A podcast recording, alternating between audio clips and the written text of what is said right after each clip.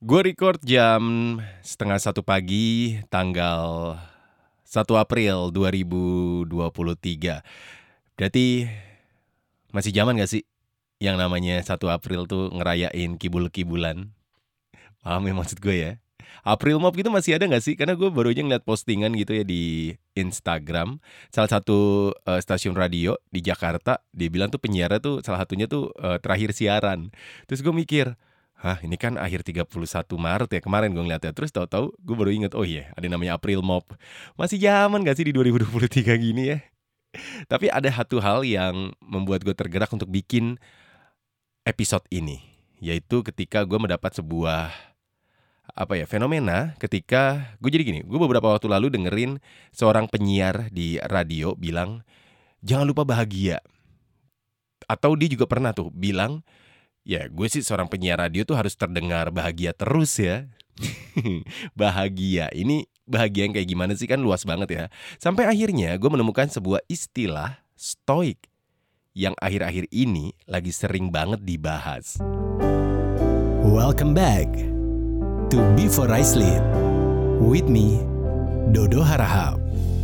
Thank you banget lo balik lagi mendengarkan Before I Sleep bersama gue Dodo Harahap Yang di mana di episode kali ini Episode kalau secara formal episode ke-18 Tapi kalau lo udah mendengarkan di aplikasi Noise Gue punya dua cerita puasa yang udah gue upload Yaitu cerita puasa satu yang satu lagi cerita puasa dua yang di mana itu lebih dalam lagi gue berceritanya. Lo bisa cek di aplikasi Noise. Tapi yang ini gue spread di berbagai macam platform. Ada di uh, Spotify, Noise, Apple terus juga Android, Google banyak pokoknya. Jadi yang lo mendengarkan melalui salah satu aplikasi itu Hai selamat malam. Karena gue tappingnya malam 1 Maret 2023 jam setengah satu pagi. Apakah gue akan lanjut ke sahur? Gue sih pengennya tidur ya karena gue ngerasa udah kayak kepala gue agak sedikit sakit dari beberapa hari lalu. Gue sempat begadang nyelesain tulisan untuk uh, cerita yang baru. Cerita dari podcast gue dan juga audio series gitu. Jadi ya welcome back to Before I Sleep. Gue Dodo Harahap as your host. Yang gue bahas di intro adalah stoik. Itu apa sih stoik ya Sebelum gue masuk ke story, gue mau ingetin dulu buat lo jangan lupa untuk follow Instagram at before I sleep b hmm, salah.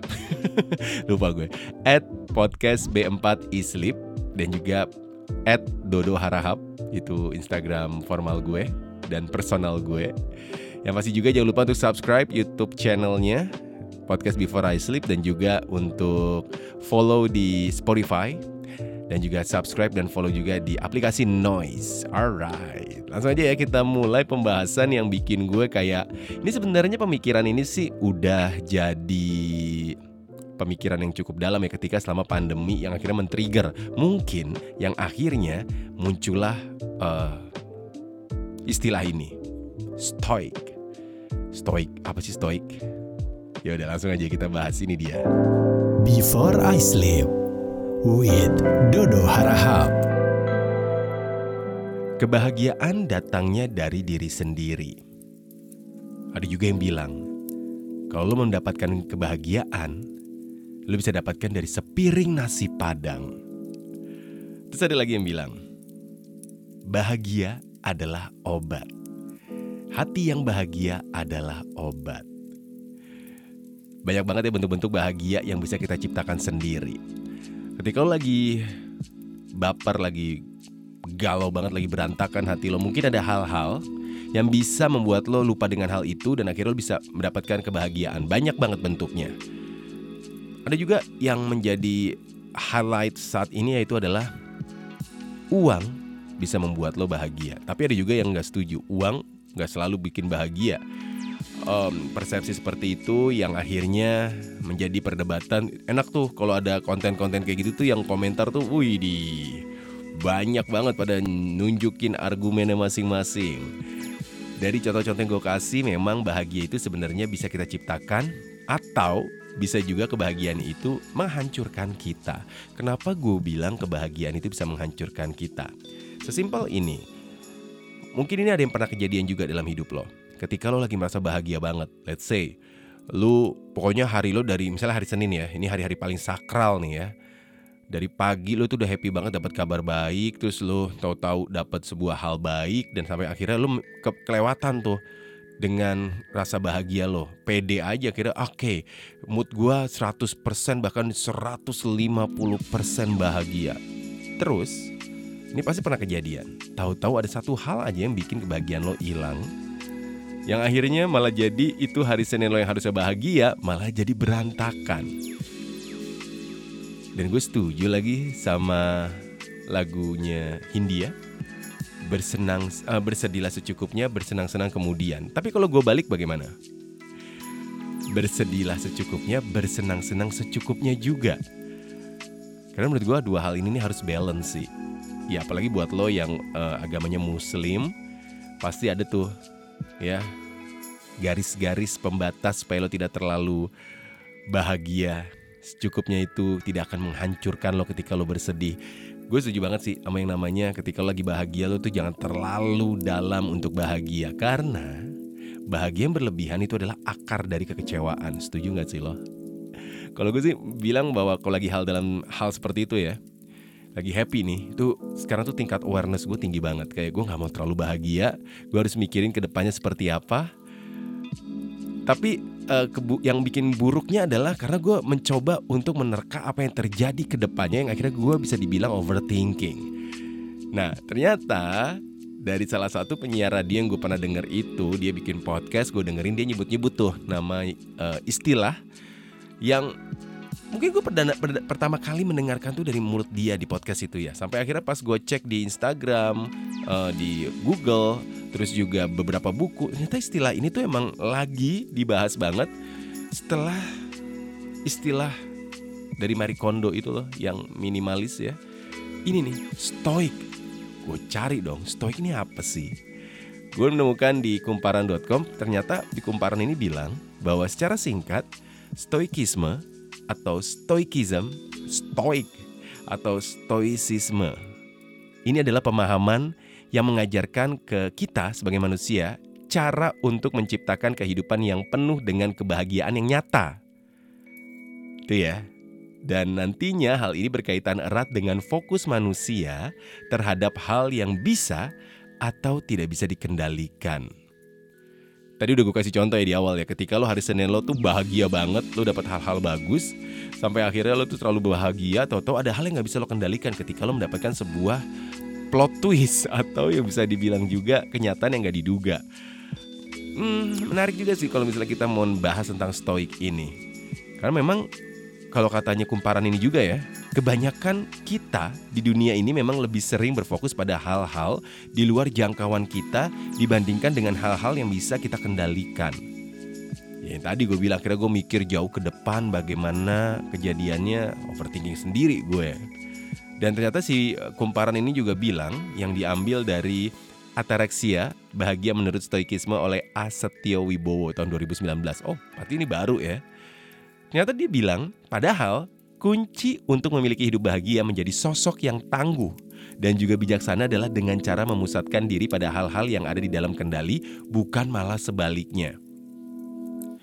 Gue jadi merasa kayak, oh ini pengingat gue juga ya, bahwa sebenarnya itu yang udah bisa kita kendalin kita fokus di situ aja, jangan ke mana-mana. Masalahnya, ini sih yang menjadi big issue saat ini. Hal yang udah bisa kita kendali ini suka ketutup sama beberapa hal yang akhirnya membuat kita tuh jadi nggak fokus. Um, contoh gini deh, gue tuh pernah lupa bahwa gue itu bisa sesuatu yang orang lain nggak bisa. Jadi, gue pernah curhat ke teman gue. Gue kayaknya jadi penyiar radio cuma siaran doang deh, nggak ada yang bisa gue jual. Itu yang gue bilang. Tapi teman gue ternyata melihatnya beda. Dok, masa sih nggak ada yang bisa lo jual? Lo tuh bisa ini loh lo tuh jalanin pekerjaan ini juga loh terus lo tuh bisa kayak gini juga loh. Terus gue baru diem. Hmm. Kok gue nggak tahu ya? Kok gue nggak inget ya? Kok gue nggak sadar ya? Ternyata gue fokusnya tuh pada hal yang kecil sebenarnya tapi ada hal yang lebih besar yang ada mengelilingi diri gue itu ternyata gue lupa. Dan gue waktu itu sempat nyari tahu ya ini kenapa sih hal-hal kayak gini tuh sering banget skip sama orang-orang?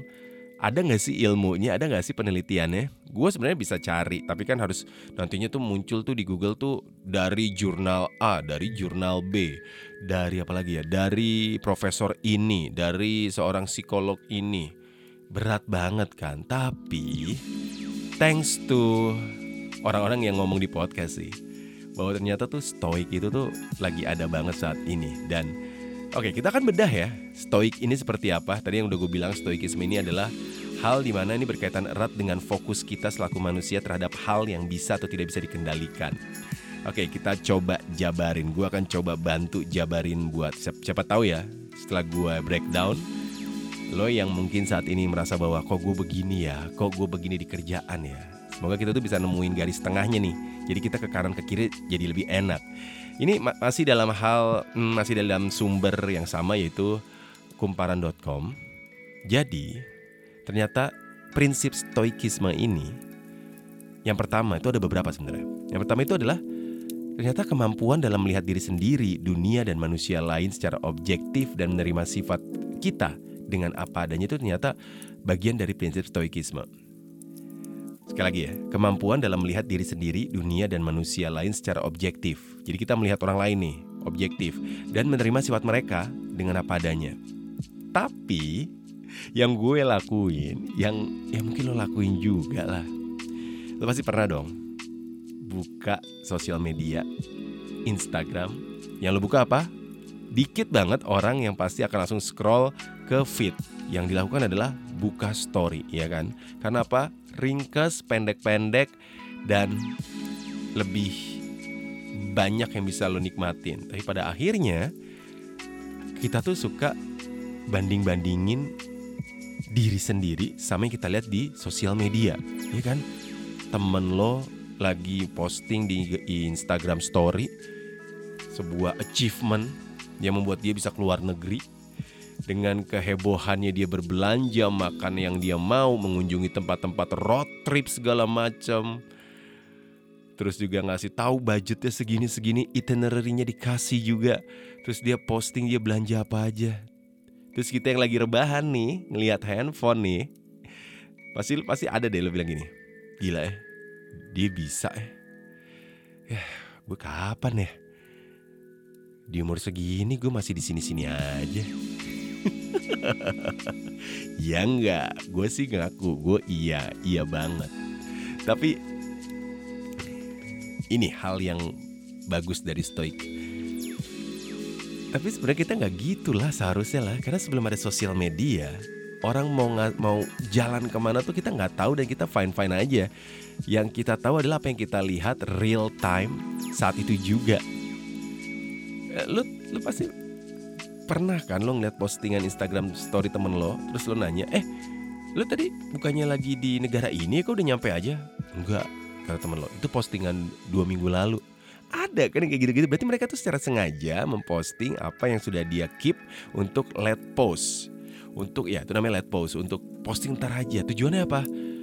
Ya banyak. Mungkin dia emang pengen gak ketahuan aja keluar negeri atau dia pengen mencoba untuk engage sama followersnya. Bahwa gue di luar negeri terus nih. Jadi ngambil stok gambar banyak banget.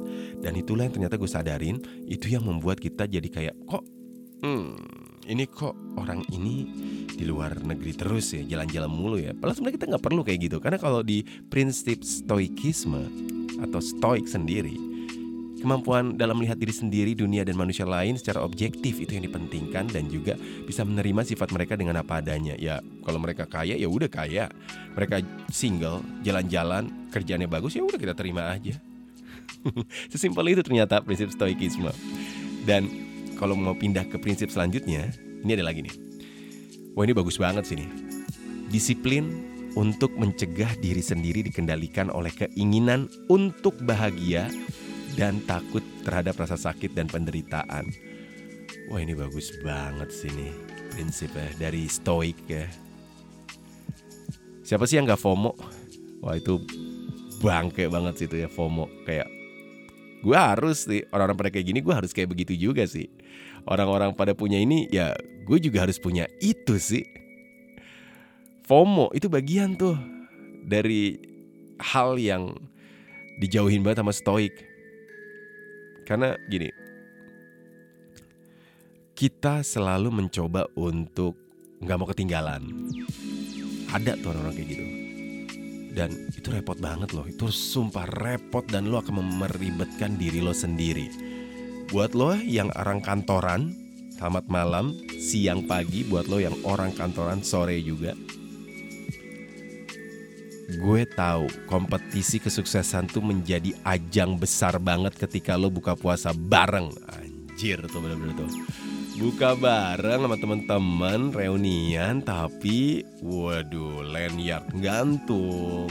Masih bales-bales WhatsApp atau ada yang buka buka laptop cuy lagi buka bareng bales email. Tujuannya apa? Tujuannya cuma mungkin ya mungkin dia terpaksa itu yang paling paling paling bener lah ya harus menyelesaikan saat itu juga ya budak korporat aja gitu ada juga yang ya itu flexing kesuksesan dia dan kalau lo atau gue juga nggak kuat tidak menerapkan stoik ini ya gue bakalan FOMO lah. Gue bakal oke okay, gue harus kayak gitu berarti ya untuk dibilang sukses. Padahal kan enggak ya. Padahal tuh kita tuh sebenarnya tuh udah terlihat udah udah sukses lah. Kalau kita mau ngerunut lagi apa yang sudah kita lakukan sebelumnya. Kayak gue 2005 gue siaran radio dari 2005 ya. Sekarang tuh gue merasa bahwa gue biasa aja jadi penyiar radio. Padahal kalau gue mau runut ke bawah gue dari 2005 siaran di Bogor. Siapa lah gue. Terus pindah ke radio ini radio ini sampai akhirnya gue di titik ini yang sebenarnya gue baru sadar sih. Thank you untuk Arya Novianus dan juga Apip Safi Afif Safi. Dengerin podcast mereka juga Romance Down untuk Arya Novianus dan juga Afif Safi yang ada boba bola banget. Mereka tuh bilang bang lu tuh dok gitu. Lu bikin konten dong tapi yang tentang siaran. Terus bilang gini siaran masa sih? Ya lu kan udah lama juga siaran bang. Lu tuh udah kapabilitas lu tuh udah udah wah udah diakuin banget karena udah lama dan lu melakukan itu terus menerus terus gue mikir bener juga ya. Ternyata tuh hal yang gue lakukan terus-terus itu ternyata tuh menjadi branding dari orang lain terhadap gue bahwa gue adalah seorang penyiar radio. Dan gue ya udah lama aja siaran. So what? Padahal kalau tadi tuh lo enggak ya gue bilang bahwa gue tuh orang gue tuh penyiar yang biasa aja kali dan ya gue nggak punya karir yang gede di luar uh, penyiar radio. Padahal pas gue lihat lagi apa yang udah gue perlakukan banyak banget yang udah gue lakuin di luar radio dan itu karena radio. Jadi memang gue harus menerapkan stoik ini sih supaya gue nggak ribet sendiri sama diri gue Hah itu tuh kuncinya tuh. Ribet sama diri sendiri masih di disiplin untuk mencegah diri sendiri dikendalikan oleh keinginan untuk bahagia atau takut terhadap rasa sakit dan penderitaan. Uh, kita tuh sering banget menarik masa depan ke masa sekarang. Pandemi ini gila sih kayak ngeluarin semua hal yang gak penting keluar. Coba please buat lo yang sering waktu jam pandemi ya tidur lihat langit-langit terus lo ngawang terus lo kayak gini ini kapan sih selesainya? Kalau aja tahun depan gak selesai belum pulih juga belum ada pergerakan gimana kantor gue ke depannya ya? Terus apakah gue masih akan bekerja? Terus kalau gue nggak kerja sampai tahun depan di tahun depan gue udah nggak di hire lagi gue gimana? Terus gue hidup gimana pasti lo pernah kayak gitu kan sama gue juga jadi kayak menarik yang belum terjadi ke masa sekarang cuy itu capek banget sih secapek apa gue gue akan ceritain ke lo secapek gue akhirnya down dan gue dirawat di Wisma Atlet. Segitunya. Padahal kalau dulu gue menerima aja, gue mengerjakan yang ada, gue gak usah tuh ngeliat sosial media. I'm fine. Gue bukan baik-baik aja, gue akan yang malah gue akan fokus sama pekerjaan-pekerjaan yang ada yang emang simpel karena kan semuanya bisa dikerjain di rumah kan. Stoik, ya, kayak emang penting banget sih buat kita yang kayak gitu ya. Untuk uh, prinsip yang terakhir dari Stoik membuat sebuah perbedaan antara apa yang ada di dalam kekuatan kita dan apa yang tidak ada. Gue sempat mencoba untuk gali lagi sih, maksudnya apa sih ini? Membuat sebuah perbedaan antara apa yang ada di dalam kekuatan kita dan apa yang tidak ada. Ternyata minder, skeptis yang ya kita ketahui efeknya adalah membuli teman kita melalui verbal. Bahasa Spanyolnya nyinyir, ya enggak? oh my god. I'm just like apa ya membaca artikel ini ya kayak stoik tuh penting banget buat kita yang udah bekerja buat lo yang udah di usia 18 sampai eh sorry 28 sampai 38 tahun atau 40 stoik itu penting banget ternyata. Gue butuh menjadi orang yang stoik kayak gue bahagia di masa sekarang gue bahagia dengan apa yang gue lakukan gue bahagia dengan penghasilan gue tanpa harus membandingkan dengan orang lain atau uh, yang umurnya sama kayak gue atau yang di bawah gue ternyata dia lebih besar no Kenapa? Oke, okay, gue akan kasih tahu lagi. Kenapa gue merasa bahagia dengan pendapatan gue sekarang ini tanpa harus membandingkan dengan orang lain yang seumuran sama gue atau yang lebih uh, muda dengan jabatan yang lebih tinggi. Sempat, jujur, gue ada di titik itu. Gila ya, nih anak 2 tahun lebih muda dari gue ternyata posisinya di atas gue. Satu, yang kedua, oh dia baru gabung tahu-tahu dapat bayarannya tinggi ya. Dua, yang ketiga, gue gak naik-naik gaji nih. Gue gak naik-naik gaji nih udah tanggal segini udah tahun segini udah taken kontrak berkali-kali perpanjangan kontrak. Satu doang sih jawabannya ternyata. Kita tuh nggak tahu apa yang sebenarnya terjadi dengan objek yang kita lihat. Ketika lo ngiri sama temen lo yang gajinya lebih tinggi, kita tuh nggak tahu kan bahwa dia punya tanggung jawab yang besar juga dalam hidupnya. Mungkin dia harus membiayai orang tuanya, orang tuanya sakit-sakitan. Mungkin juga dia harus mengkuliahkan adik-adiknya sampai sebenarnya gaji segitu dia cuma dapat yang kita dapat juga. Let's say teman lo dapat gaji 15 juta, lo 7 juta gitu ya. Dia ngiri banget dong. Padahal kan kita sama gitu ya. Tapi kita nggak tahu kan kalau dia tuh 15 juta itu akan dibagi-bagi untuk renovasi rumah, nyicil rumah dari keluarganya, atau harus nyicil kendaraan karena orang tuanya ada yang beli atau adiknya butuh, biaya listrik rumah orang tuanya dan kosan dia. Intinya dia mengirim uang sebagiannya untuk keluarganya. Atau dia punya tanggungan yang besar banget. Hal itu yang membuat gue kayak Tuhan tuh adil sebenarnya. Lo kasih, lo dikasih maksud gue. Lo dikasih uang banyak dari kerja lo. Tanggung jawab lo juga banyak ternyata. Dan gue setuju sih sama yang namanya be be careful with what what you wish for. Be careful what you wish for. Lo pengen gaji dua digit, hey tanggung jawabnya juga dua digit tuh. Hati-hati tuh maksud gue. Terus ada anak baru masuk langsung naik jabatan Nah itu itu gue nggak nggak tahu sih ya itu bisa kita stoikin atau enggak tapi emang ganggu. Tapi sebisa mungkin pasang kacamata kuda aja sih kerjain apa yang lo pegang tanggung jawabnya. Tapi nggak nggak nggak gue nggak setuju sih dengan kerjakan apa yang lo kerjakan dan setelah itu pulang bawa gajimu. Enggak, gue nggak setuju dengan itu karena ketika bekerja akan banyak value value yang harus lo berikan untuk mensupport tim lo. Enggak dok, gue tuh pengennya abis kuliah, abis sekolah, eh abis sekolah, abis kerja pulang. Iya bisa, tapi value lo nggak akan bertambah dan orang lain nggak akan tahu value lo dan jadinya kesempatan banyak yang hilang. Terbukti lah sama teman-teman lo yang sering pulang cepat ya nggak? Karena di zaman sekarang tuh ya, lo kerja langsung pulang atau lo tidak menganggap kantor lo itu adalah sebagian dari keluarga, walaupun gue nggak setuju juga ada yang bilang kayak gitu. Tapi zaman sekarang tuh hati-hati aja nih, karena masih banyak juga yang akan di lay off, banyak banget yang pengurangan karyawan, mereka akan mencari. Ini gue setuju sama teman gue yang bilang, iya dok, sekarang tuh perusahaan tuh akan mencari orang-orang yang selama berjuang itu dia loyal dan dia mengerjakan banyak hal, kontribusinya tinggi. Gila ya. Itu capek gue bilang, capek banget. Sebelumnya lagi kita capek melihat saldo kita gara-gara pandemi. Ditambah pekerjaan kita jadi overlapping yang akhirnya harus membantu banyak pihak. Tapi ini sih yang harus gue tekenin ke lo supaya lo tetap kuat. Ketika di kantor lo kerjanya banyak banget, percaya sama gue, itu itu akan berbuah manis ke depannya. Entah itu lo akan dipertimbangkan untuk dinaikkan jabatan oleh kantor lo atau even lo resign setelah dapat THR by the way. lo kan punya value yang tinggi banget dan lo punya skill yang luar biasa yang mungkin seumuran lo orang yang bekerja bertahun-tahun gak ada, gak punya karena dia tidak menerapkan itu. Pepatah yang bilang kalau ada yang simple ngapain yang ribet? No, no, no, no, no. no. Itu kalau buat penerapan apa ya? Sebuah efisiensi oke. Okay. Tapi kalau untuk develop diri lo sendiri, please jangan pakai pepatah itu.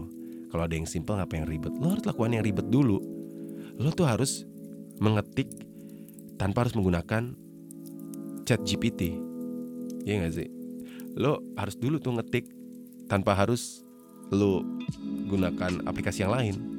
Sama dengan hal juga lo harus bikin manualnya tanpa lo harus nantinya akan automation bisa mengerjakan itu. Jadi semua itu emang ada proses yang membuat lo menjadi berkembang dan punya value yang tinggi.